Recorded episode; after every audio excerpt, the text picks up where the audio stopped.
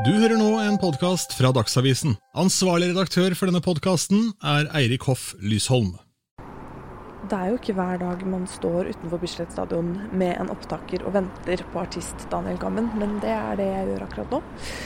Eh, Jeg vet ikke helt hvorfor han vil møte meg her, men eh, det får vi jo vite veldig snart. Jeg, eh, hvis du ikke vet hvem Daniel Gammen er, så er det han som brøyt gjennom eh, i 2015 med den derre 'Du fortjener en som meg', som jeg for så vidt elska den låta. Vi skal sette oss inn på tribunen når han kommer, og vi ses der.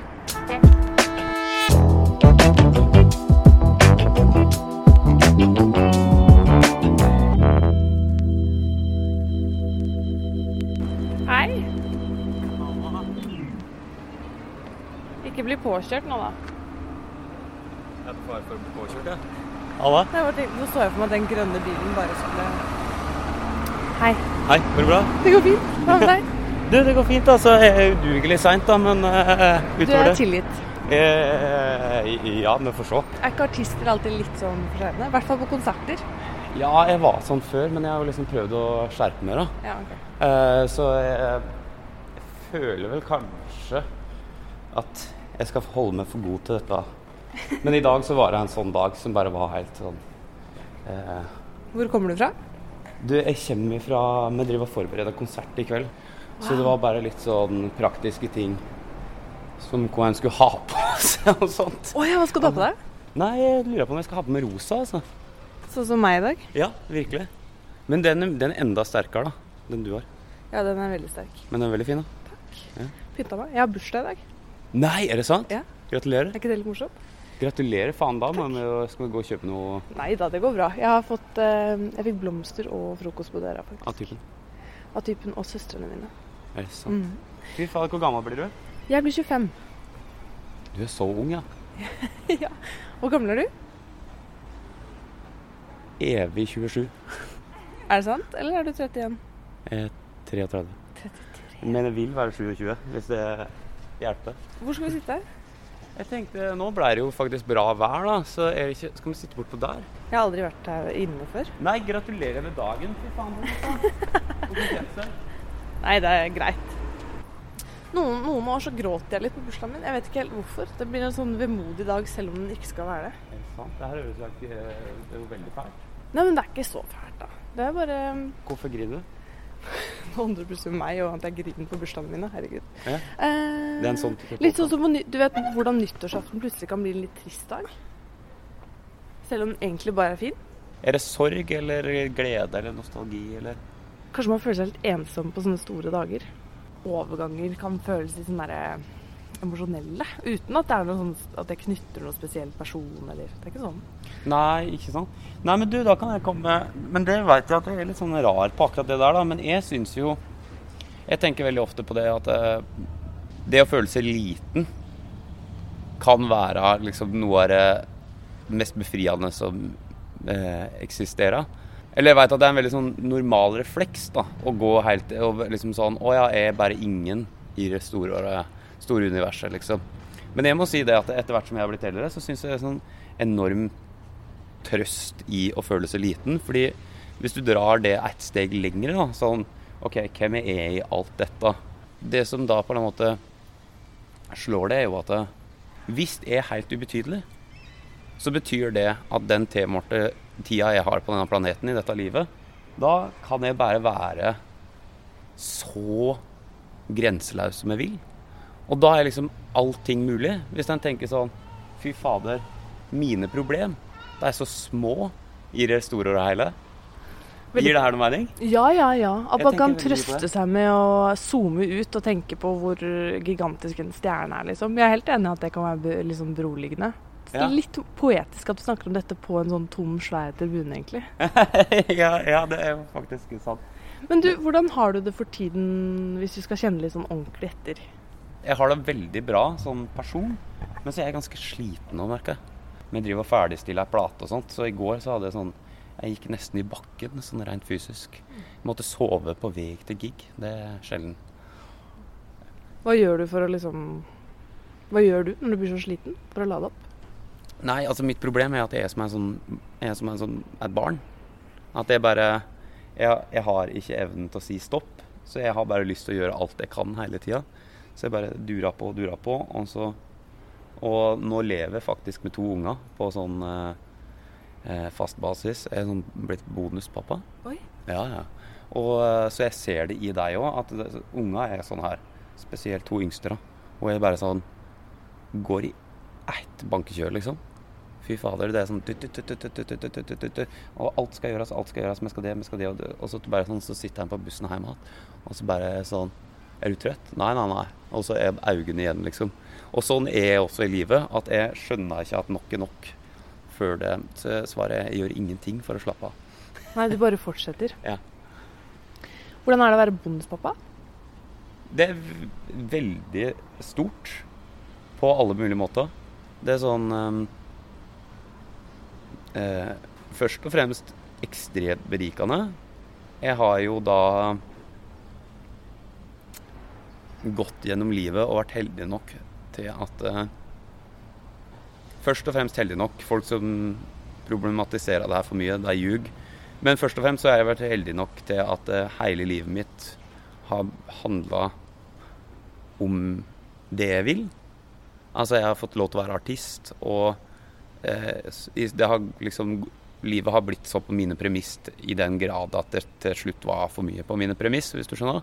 Og da er det veldig digg sånn med noen unger og noe sånt. Og det setter jo ting veldig i perspektiv, da. Å være en sånn ressursperson for deg, selv om jeg er jo ikke pappaen deres, jeg er jo bare han kule som bor med mamma. Ehm, så er det jo veldig rått da når eh, de syns det Når du plutselig skjønner at å ja, faen, det fins noe større enn meg, de ser opp til meg, og de syns at dette er, de syns at det er noen som de stoler på. Det er jo en helt sånn enorm og rar følelse.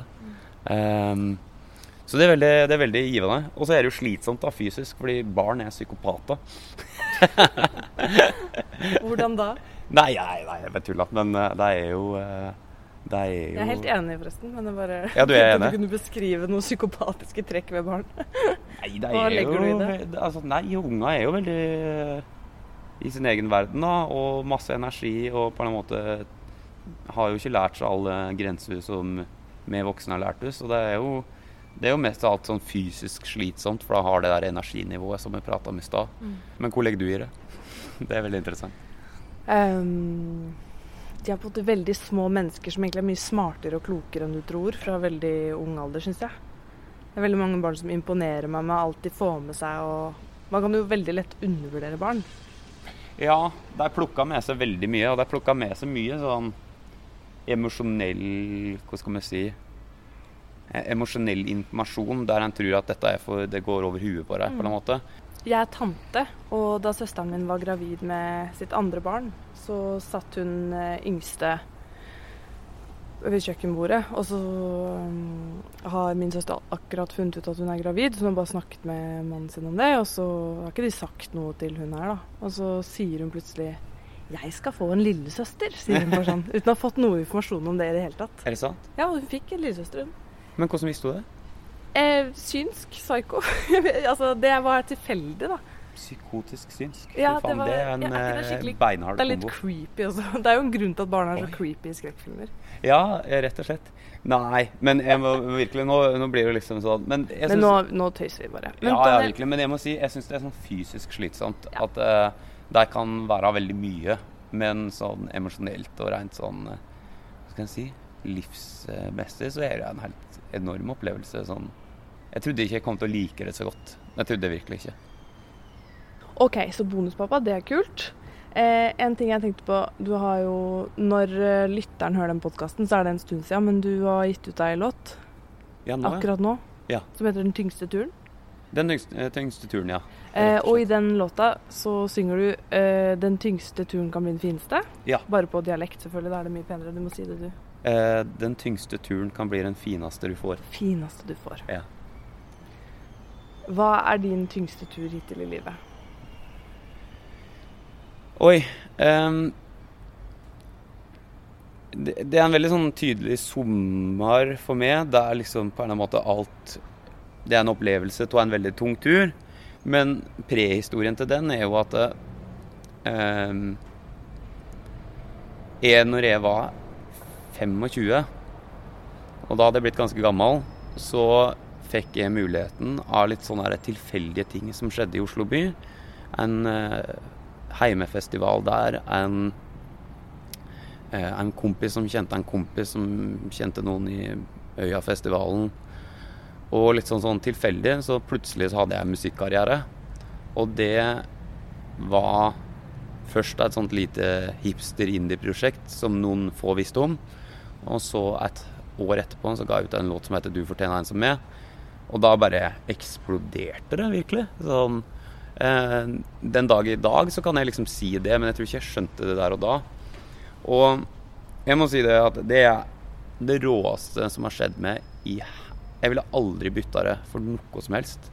Eh, folk sier sånn Folk klager da, over sånn ah, Nei, det er stress å være kjent og Altså Da er jeg idiot, da, liksom. Det, det, altså, altså det, det, mener jeg helt oppriktig. Han i Oasis, Noel Gallagher, sier det sånn. Sånn Hvis du, hvis du liksom klager over at du har blitt kjent for å drive med musikk eller noe sånt, nå, så er du faen dum i huet, liksom. Det er bare Det er så mye rått som kommer med det jeg gjør. Så jeg er virkelig ikke sånn Jeg har, ikke, jeg har veldig viktig for meg å sette det premisset før jeg forteller om den tyngste turen. At eh, jeg har verdens kuleste jobb, og jeg ville ikke tatt tilbake Jeg ville heller gått gjennom den runden her en gang til eh, enn å bytte vekk det. For det er liksom det største jeg har fått lov til å være med på.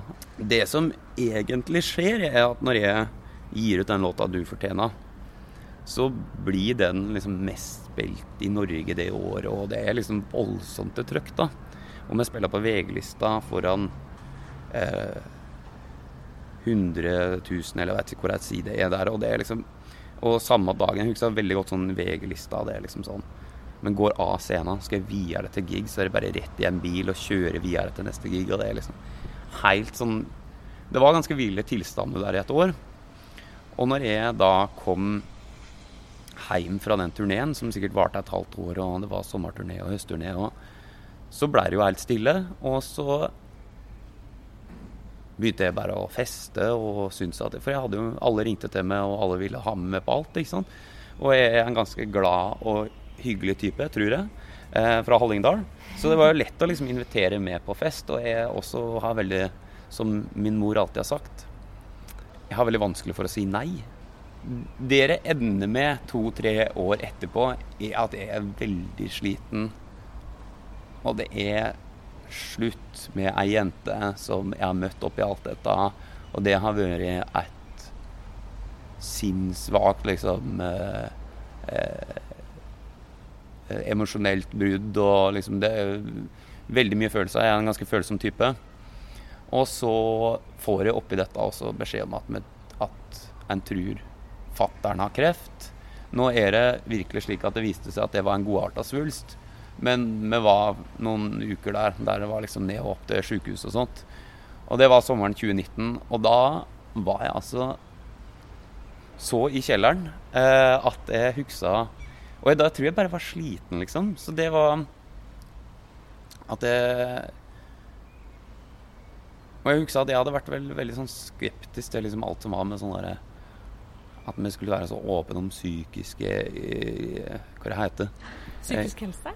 Nei, men altså, jeg syns kanskje folk overdrev litt. Da. Jeg kan være en sånn fyr som mener at folk må skjerpe seg, liksom. Ta seg sammen. Man har jo, man har jo faen meg Vi lever i verdens rikeste land, ikke sant? Til de som gråt på bursdagen sin, f.eks.? Eh, ja, f.eks. Nei, nei. Nei, nei, men altså, altså jeg, var, jeg, var, kanskje litt der. Men det som dere endte med, var bare at jeg hadde en veldig sånn stor reaksjon på at nå er jeg skikkelig sliten, og nå føler jeg at jeg har ofra veldig mye. Det er slutt med dame. Jeg så veldig lite av de gamle kompisene mine. Eh, jeg, var også sånn at jeg, jeg, hadde jo vært jævlig innstilt på liksom at jeg skulle bli artist. Så jeg hadde jo på en eller annen måte vært ganske sånn bestemt i jobbsammenheng. Så jeg var jo kjent for mine aller nærmeste som ganske streng, og jeg kunne bli skikkelig sur på jobb og sånt. Og det var jo sikkert fordi jeg var veldig stressa. Altså jeg ble mm. ordentlig sint, liksom. Hvis, hvis noen hadde gjort noe feil, eller? Ja, hvis de ikke fikk det som jeg ville. Det, det må jo handle om noen form for liksom sånn frykt, da. Jeg tror alt sinne egentlig bunner i frykt. Men Jeg var bare på en plass i livet der jeg både var, jeg var sint, og jeg var sliten, og jeg var skikkelig Jeg, var, jeg skjønte det at faen, du tar jo ikke godt nok vare på det sjøl. Og i tillegg så var jeg på vei til å miste alt jeg syns var liksom trygghet rundt meg. Altså fattern er liksom pålene i livet.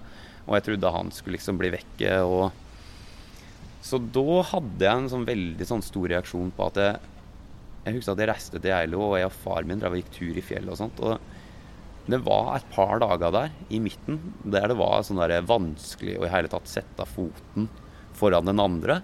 Og at jeg gikk sånn og bare følte meg helt sånn apatisk, liksom. Og jeg husker jeg prata med han, og mutter'n var sånn Nei, det har jo vært mye for det. Og så var jeg sånn Men jeg er jo ikke sånn. Jeg er jo ikke sånn. Jeg er ikke en sånn fyr som mister det, liksom. Nå må ikke han skjerpe ikke han. For det er fattern som er sjuk, liksom. Og så var det Men da kom Altså Sakte, men sikkert så innså jeg at det hadde bare gått litt for vidt, da, på en måte. At jeg kanskje hadde liksom kjørt litt for hardt. Jeg hadde litt for lyst til å bli artist. Og jeg hadde liksom hatt Eller ja.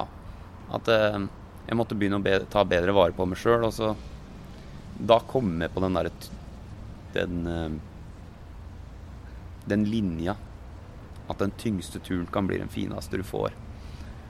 Og det bunner vel rett og slett i en sånn tanke om at når den går i fjellet, så er det å liksom ta seg helt ut, da. Eh, det kan være liksom rensende i seg sjøl, og at det liksom er starten på noe nytt. Og at du blir et sterkere person etter turen, da. Du sa at på et punkt så skjønte du at uh, du måtte endre kurs, på en måte. Mm. Men husker du det øyeblikket, eller hvordan det foregikk? Var det et sammenbrudd, eller var det liksom Var det etter du kom hjem fra den turen fra Geilo at du forsto det, eller når var det ting snudde, liksom? På mange måter så er det nok den derre opplevelsen av om jeg hadde den anerkjennelsen der og da.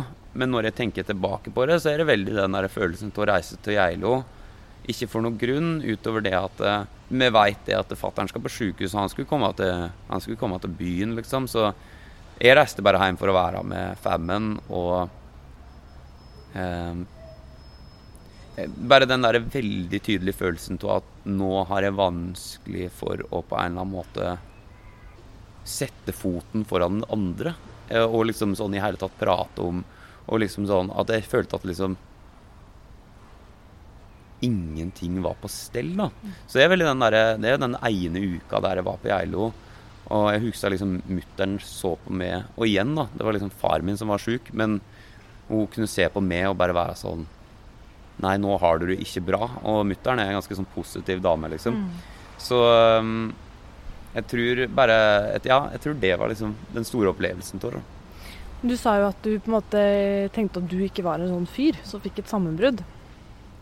Tror du, hvor tror du den tankegangen der kommer fra? At jeg, jeg skal tåle Jeg skal ikke knekke sammen, liksom.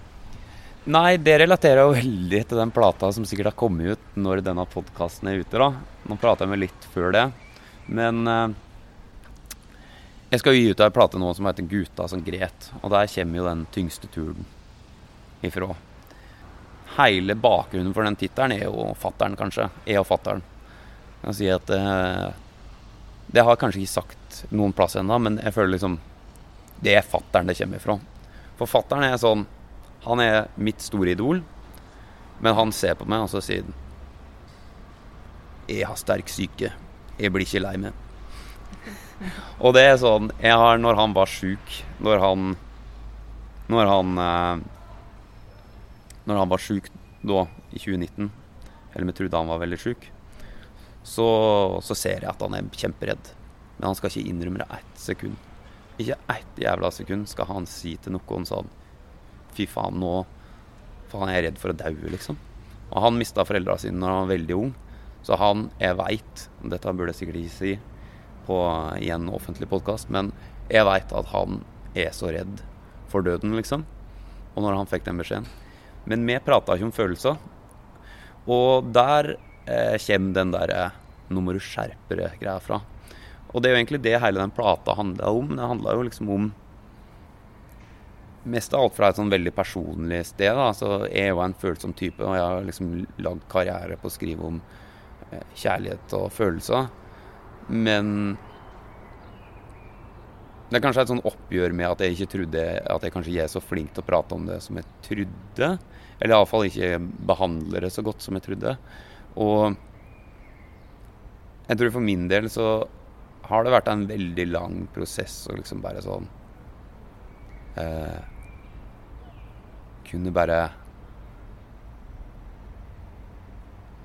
være åpen om å ha det vanskelig noe annet plass enn i låtene mine. Eh, for jeg kommer fra en sånn ja, veldig tydelig sånn kultur at vi prater ikke om følelser, og det, det er noe sånn derre det, sånn, det er noe stolthet i å være sterk, ikke sant? Har du snakka med faren din om disse tingene? Har du snakka om han, at dere ikke snakker om følelser? Eller påpekt at det er litt uh, morsomt at han sier at han er sterk syke? altså, nei, og det kommer jeg heller ikke til å gjøre. Det, det, Hvorfor ikke? Han hører på, han er selvfølgelig som han kommer sikkert til å høre dette. Det får være den praten. Helt seriøst, han får med seg alt. Uh, men det er jæklig funny. Jeg kan fortelle en Det blir jo Men det er, en, det, er en, det, er en, det er, ikke en, vond historie, for det handler om død i den formen som er liksom mest naturlig, og det er at eh, far til mamma død i fjor sommer. Og som sagt, da, fattern er ikke så flink til å prate om følelser. Og han, han, ser, han tar litt stolthet i at det driver han ikke med. Så han eh, Men han er veldig redd da, for alt som har med liksom, døden og alt det der å gjøre. Og så dårlig er han til å pra prate om det og håndtere det at øh, jeg kommer hjem til Geilo og vi skal ta et siste farvel da, med Goffa, eller bestefar, som vi kaller det Goffa. Og jeg er inne der og så mor mine der. Det er under pandemien, så de er én og én. Og søstera mine der. Og så sitter vi i bilen opp igjen, og så setter vi mamma. Og så sier jeg til fattern Du skulle ikke inn, du? Nei, han hadde vært der for ei uke siden. Å ja, men nå er det jo like før, liksom. Du skal ikke si Nei, ja, han ville ikke det. Og så sier jeg ja, OK. Ja, hvorfor, hvorfor det, da? Og dette, det han sier da, er liksom Det er sånn og det er helt legendarisk quote, men det er jo Jeg syns det er helt utrolig funny og bekmørkt på samme tid. Men jeg spør sånn Ja, hvorfor vil du Kina? Nei, det er jo ikke noe moro med folk som daua. og det er liksom Det er hans oppsummering av den situasjonen. Er mm. sånn Men i det så ligger det jo masse frykt og Så det er jo vondt, men det er jo også på en annen måte Det er sånn han prater om de tinga. Mm. Hva har du endra i din hverdag fra, fra, du følte at du liksom ikke klarte å sette foten foran den andre, til nå, på en måte? Eh, sånn helt konkrete ting? Nei, sånn jeg, Poenget er at jeg tok aldri noe sånn oppgjør med livssituasjonen min sånn nå må jeg skjerpe meg på den og den måten. Og jeg tror nok jeg allerede har begynt litt før, fordi vi sitter nå på Bislett stadion, som er en av mine sånn favorittplasser i hele Oslo. Eh, der jeg bor. da. Og for folk som ikke har vært inne her, det er jo et helt sånn Det er noe sånn Hvordan vil du beskrive det, du? Det, det er jo gigantisk. Det er jo en sånn svær arena, på en måte. Ja, og så er det litt sånn, sjøl om det er Det er nok ikke av de største av disse stadiene, og det er jo litt sånn Det er jo litt sånn norsk arkitektur over det, men det er uansett sånn der stadionmessig så er det noe sånn, det er noe sånn gresk og olympisk over det, ikke sant? Ja, og så føler man seg liten, sånn som vi snakket om i stad. Ja, man føler seg liten her. Ja, at, det, at, den er litt sånn ubetydelig. Og det gjør jeg også, for jeg jogger her på fredager. Jeg skal jogge hvis det rekker seinere i dag. Ja, og det er derfor vi er her. Ja, eh, og da da pleier Karsten Warholm å springe forbi meg, og da føler jeg meg veldig liten. Sant, Og da hadde jeg faktisk gått hjem, tror jeg. Ja, det er faktisk ganske sånn høyt nivå her på fredagskvelda. Nei, fredags ettermiddag. Nei, øh, men poenget mitt øh, var det at jeg hadde nok allerede før alt det her begynt å jogge litt og liksom Så jeg er sånn Jeg er en ekstremt sånn Hva heter det? Jeg er en veldig sånn øh, intuitiv type. Spontan type. Så jeg, jeg, Men så det er litt sånn den der Duracell-kaninen som jeg prata om når vi starta. At jeg, Da sa det stopp, liksom. Og da for første gang så sa det sånn stopp kanskje både fysisk og emosjonelt samtidig. Um, men jeg hadde nok allerede begynt å jogge liksom et par år før. Og, men sånn i det store og hele så er det jo mye jogging og ta valg om å uh, Jeg gikk og begynte å prate med noen. Det var kanskje det mest bevisste. At jeg begynte å Ja, faen, det er sant. Jeg gikk til en psykolog. Det var smart. det var konkret. ja, det var veldig konkret. Jeg gikk til en psykolog. Det hjalp meg veldig mye. Og skjønte det at ja, faen, det her er Fikk satt ting litt i perspektiv. Det er rart hvordan huet funka. Du laga, laga seg så mange rare ideer. Er du enig? Jeg er helt enig. Jeg har gått i terapi i mange år, jeg, faktisk. Og det det? er veldig Det er så mange ting jeg oppdager om meg selv da, gjennom den terapien. Ja. Så- du- For eksempel hva jeg ikke vil snakke om. da. Plutselig Ja. så skjønner jeg at det, akkurat den tingen den vil jeg ikke snakke om. Så har jeg kanskje ikke skjønt at den tingen egentlig er vanskelig for meg. Så sånne ting er veldig, er veldig avslørende når vi liksom skal sette oss ned og prate om ting. Så blir det så tydelig hva som vi egentlig ønsker å unngå, da. Ja, det, det som jeg syns er fascinerende, er at jeg kan gå inn der og prate om mine mørkeste hemmeligheter. Liksom sånn virkelig sånn Uff, jeg gjorde det i den gangen. Skamma meg sånn over det, liksom.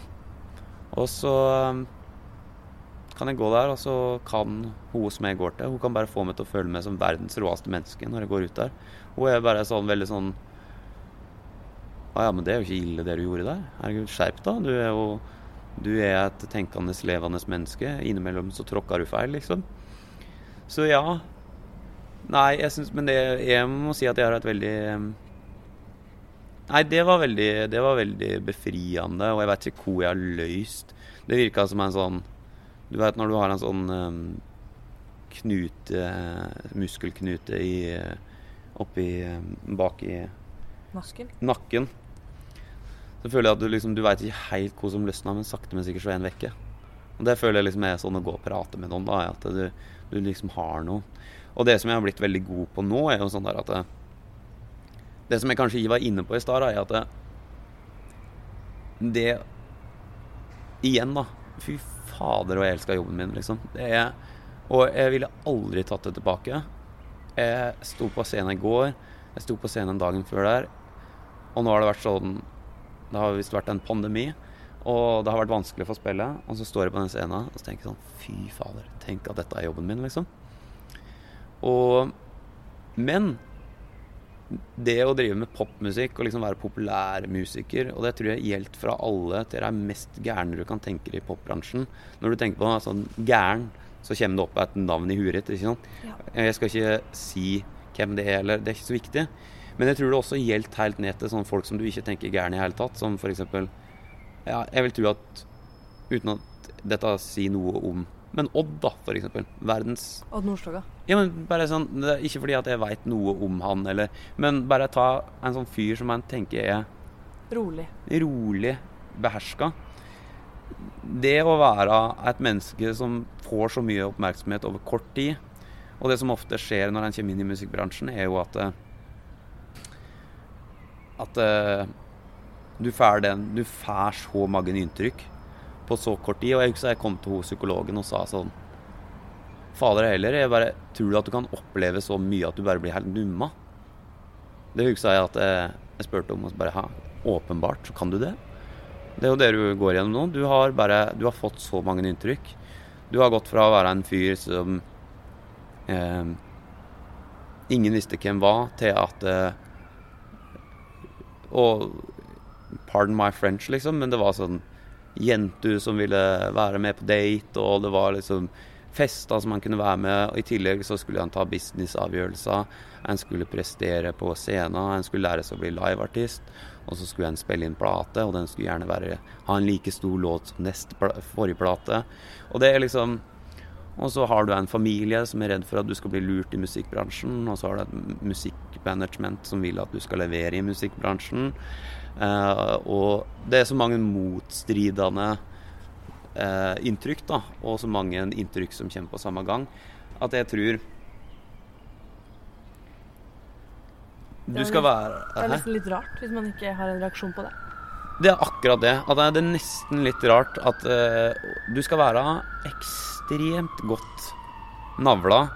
Og jeg tror ikke jeg kjenner en kjendis som ikke er litt snål pga. de tinga her. Det mener jeg helt seriøst. Jeg kjenner jo på godt og vondt litt kjendiser opp igjennom, og da er alle har det i en eller annen større grad. Et eller annet sånn derre rart eh, skrudd. Men det har vi kanskje alle. Men er det, hva er på en måte Hva kan være eksempler på ting som man blir rar på? Oi, nå må jeg passe mine ord. Ja. Um, Nå snakker vi helt generelt her, altså. Nei, det jo en veldig sånn utbredt greie. Det har jeg jobba mye med. Jeg hadde det veldig sånn før. Jeg, og, jeg, og jeg mener at det Ja, det her er et kjempegodt eksempel. Jeg mener at noe av det som gjør meg så god som jeg er, når jeg er på mitt beste, er at jeg tror at jeg er Norges beste artist. Altså, det, det er ikke noe jeg finner på. Og jeg skjønner at det liksom er litt sånn unorsk, og kanskje til og med folk vil oppleve det som usympatisk å sitte og si sånn jeg, Innimellom så våkner jeg opp, og så føler jeg meg bedre enn Chirac, liksom. Nei, men virkelig, liksom. Eh, og det er noe av drivkraften. Men så har jeg også dager der jeg føler meg at det ikke er verdt en dritt, det jeg driver med, liksom. Så det der er jo den sjølforakten Det er jo på en måte hele motoren. Det er, nav, det er navet, liksom, som driver det. Men det å på en måte vege det i resten av livet, når du står der da på Øyafestivalen, og så skal Chirag Det er et, åpenbart, det er et fint eksempel, for det er helt åpenbart at Carpe Diem er Norges største band. Så er det noe med å på en måte ikke la det påvirke sjølbildet ditt, og ikke la det påvirke hvem du er i resten av livet.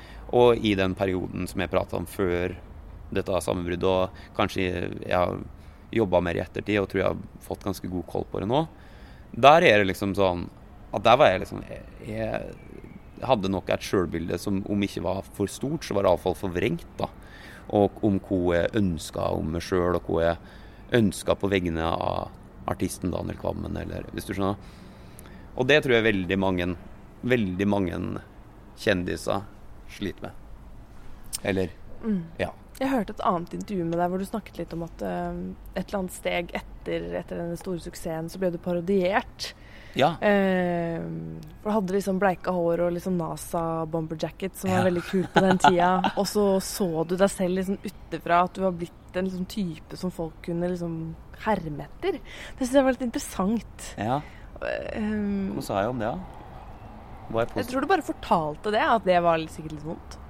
At det var At det var sikkert litt vondt, tror jeg. At du snakka litt om at det var litt sånn Det er jo Ja, litt flau Samtidig som du syntes det var morsomt å kunne le av det og sånn, så var det Ja, for det er, sånn der, det er jo et tidspunkt der folk tenker sånn Alle tenker sånn Faen, det er jo jævlig funny, da. Herregud, du må jo være med til å le av det her. Og så står du der i han fyren fra Geilo som Og jeg kjenner jo Christian og eh, Var det Martin? Jo.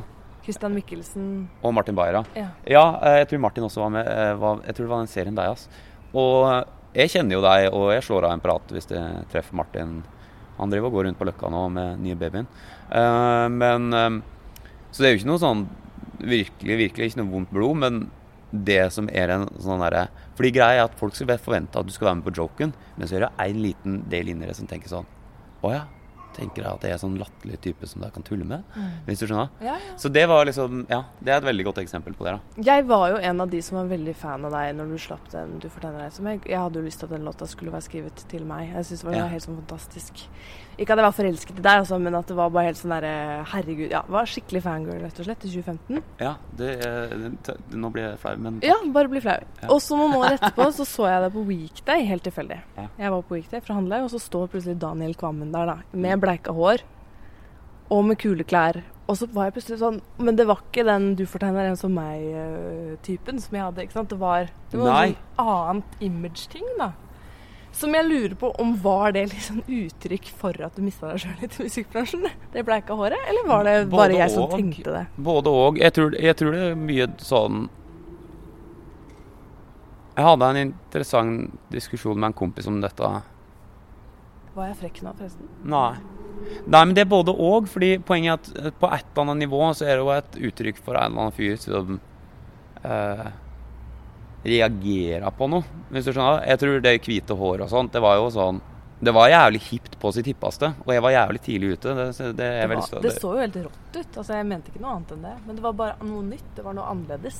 Ja, og det, det, det er kanskje reaksjonen på at en føler at en skal være En skal på en måte levere noe som kanskje andre Eller altså, altså han skal være en fet, kul type. Men så er det jo veldig viktig for meg å si det at det, Og det er jeg kjempestolt av. Han samme kompisen sa noe sånn Fordi vi satt og diskuterte, og han sa noe samme sånn som det at det- Eller det er nok mange som er under den oppfatninga at det det hvite håret og sånt, sånn Faen, hvor blei det til å ha den? Hvor blei det til å fyren med du, du fortjener? Men så er jo det liksom sånn Så jeg kunne sikkert vært strat, mer strategisk, for det, det er Det er interessant. Hvis jeg hadde droppa det hvite håret, så kanskje liksom folk ikke hadde fått det derre At har fått den derre Oi, hvor blei det av han typen? Men for min del så var det jo en veldig sånn ærlig reaksjon på at jeg ville bare være en fet type som gjorde fete ting, og akkurat da så hadde jeg lyst på hvitt hår. Og så tenker jeg at hvis en greier å ha to tanker i huet på samme tid, så er det jo jeg som reagerer på at det skjer veldig masse rundt meg. Kanskje på en litt sånn usunn måte med festing og liksom eh, full ståhei. Og jeg tror at det skal være kanskje kulere enn det jeg føler meg, da. Eller, eller ja, altså det er noe sånn overkompensering. Sånn fy faen så fet jeg skal være når jeg skal ha hvitt hår og månejakke. Um, og det, det kan jeg være helt ærlig på men som er viktig for meg at var veldig, veldig fett på sitt fetteste. Det var veldig fett. Ja. Men eh, det er også Og dette her er veldig viktig for meg å si. Jeg er kjempestolt av at når jeg ser tilbake på karrieren min, så har jeg aldri prøvd å være et sånt produkt. Og jeg har bare drevet på i seks år, men jeg har aldri prøvd å være et sånt produkt. Og jeg har, gjort, jeg har vært veldig ærlig i alt jeg har gjort. Om det er hvitt hår og syntpop, 80-talls syntpop. Nå danser jeg ikke for moro skyld. Eller om det var du Den er så kul, den låta. Ja. Takk. Ja, sa jeg. Ja. Ja. ja, du er kulere enn Chirag, så det er Ja. bedre. Nei, nei, nei. Men, uh, Men nei, nei. eksempel på at du ikke har gjort deg selv til et produkt. Hvordan kan man gjøre det som artist? Oss eh, vanlige folk som ikke skjønner hva det innebærer. Ok, ja. Nei, jeg tror jo bare sånn Det er en veldig sånn strategisk plan er å gi ut den samme plata to ganger. Kanskje tre ganger i starten av karrieren. ja, sånn eh, lydmessig. Ja. Sånn det er helt Nå tenkte jeg bokstavelig. Sånn sånn at folk som f.eks. var glad i Du fortjena, Hvis jeg hadde gitt ut Du fortjena tre ganger, så hadde jo det sikkert vært en enklere vei for meg sånn rett kommersielt. Eh, men jeg hadde ikke så veldig lyst til det, så jeg fyrte på og lagde noe som var veldig annerledes. Og jeg tror at det grunnen til at du gidder å prate med meg i dag, er at det iallfall kjennes ekte og interessant hele veien. Jeg prøver å være veldig sånn at det skal komme fra en eller annen plass. Så jeg, jeg kan bare på en måte Det jeg veit jeg kan være skikkelig god på, er å ta det jeg har inni meg her og nå, og så kan jeg prøve å smøre det utover noen låter, og så får vi se hvor det blir til. Men hvis jeg liksom skal begynne å synge et eller annet sånn produktgreier, så er jeg redd det bare blir veldig dvaskt veldig fort. Så jeg tror jo det er noe av styrken, men som kanskje akkurat når jeg fikk den reaksjonen, kanskje virka litt off-putting. Gir det noe mening? Ja, jeg må bare understreke at jeg har likt alle dine faser. Både månejakke og flanellskjorte. Jeg går for helpakka. Det går helt fint. Også. Det er jo dritkult. Men du må jo tenke på det. Taylor Swift. Ja, min, Hun fornyer seg en gang i halvåret. Virkelig, og det var jo det som var liksom min store Det var jo min store idol på den tida, som fortsatt er min store idol. Er jo liksom Det er Taylor. Jeg elska jo Taylor Gjør du det? på alle mulige måter. Jeg elsker Taylor, altså. Fy fader, jeg har, eh, jeg har fulgt Taylor siden andre plata. Og Ja, og det er at hun liksom plutselig Jeg tror hun ga ut 1988, året før jeg ga ut Vektlaus. Som da er den hvite perioden. Og eh, Nei, så det var veldig inspirert, og, og jeg er veldig glad i sånn Bowie og um, Kanye West og sånt som på en måte hele tida Men det var Ja. eh, Nei, det er veldig Det er veldig Det er veldig interessant. Jeg tror nok veldig mange opplever det Opplevde det som voldsomt fordi at det, var så nært. Det var, det var egentlig det jeg skulle fram til i stad. Han kompisen min som jeg prata med om det her, sa hadde Astrid S farga håret sitt, eller hadde Chirag farga håret sitt, så hadde vi ikke syntes det var så sjokkerende, for premisset deres er at eh, de er popstjerner med masse flamme og eh, farger.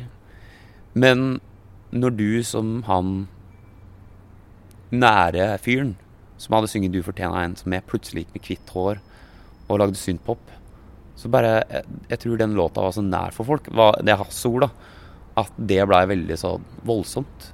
Så jeg tror det er noe der òg, at utgangspunktet var litt annerledes. Og så er det noen som har sagt, helt fantastisk en gang i tida,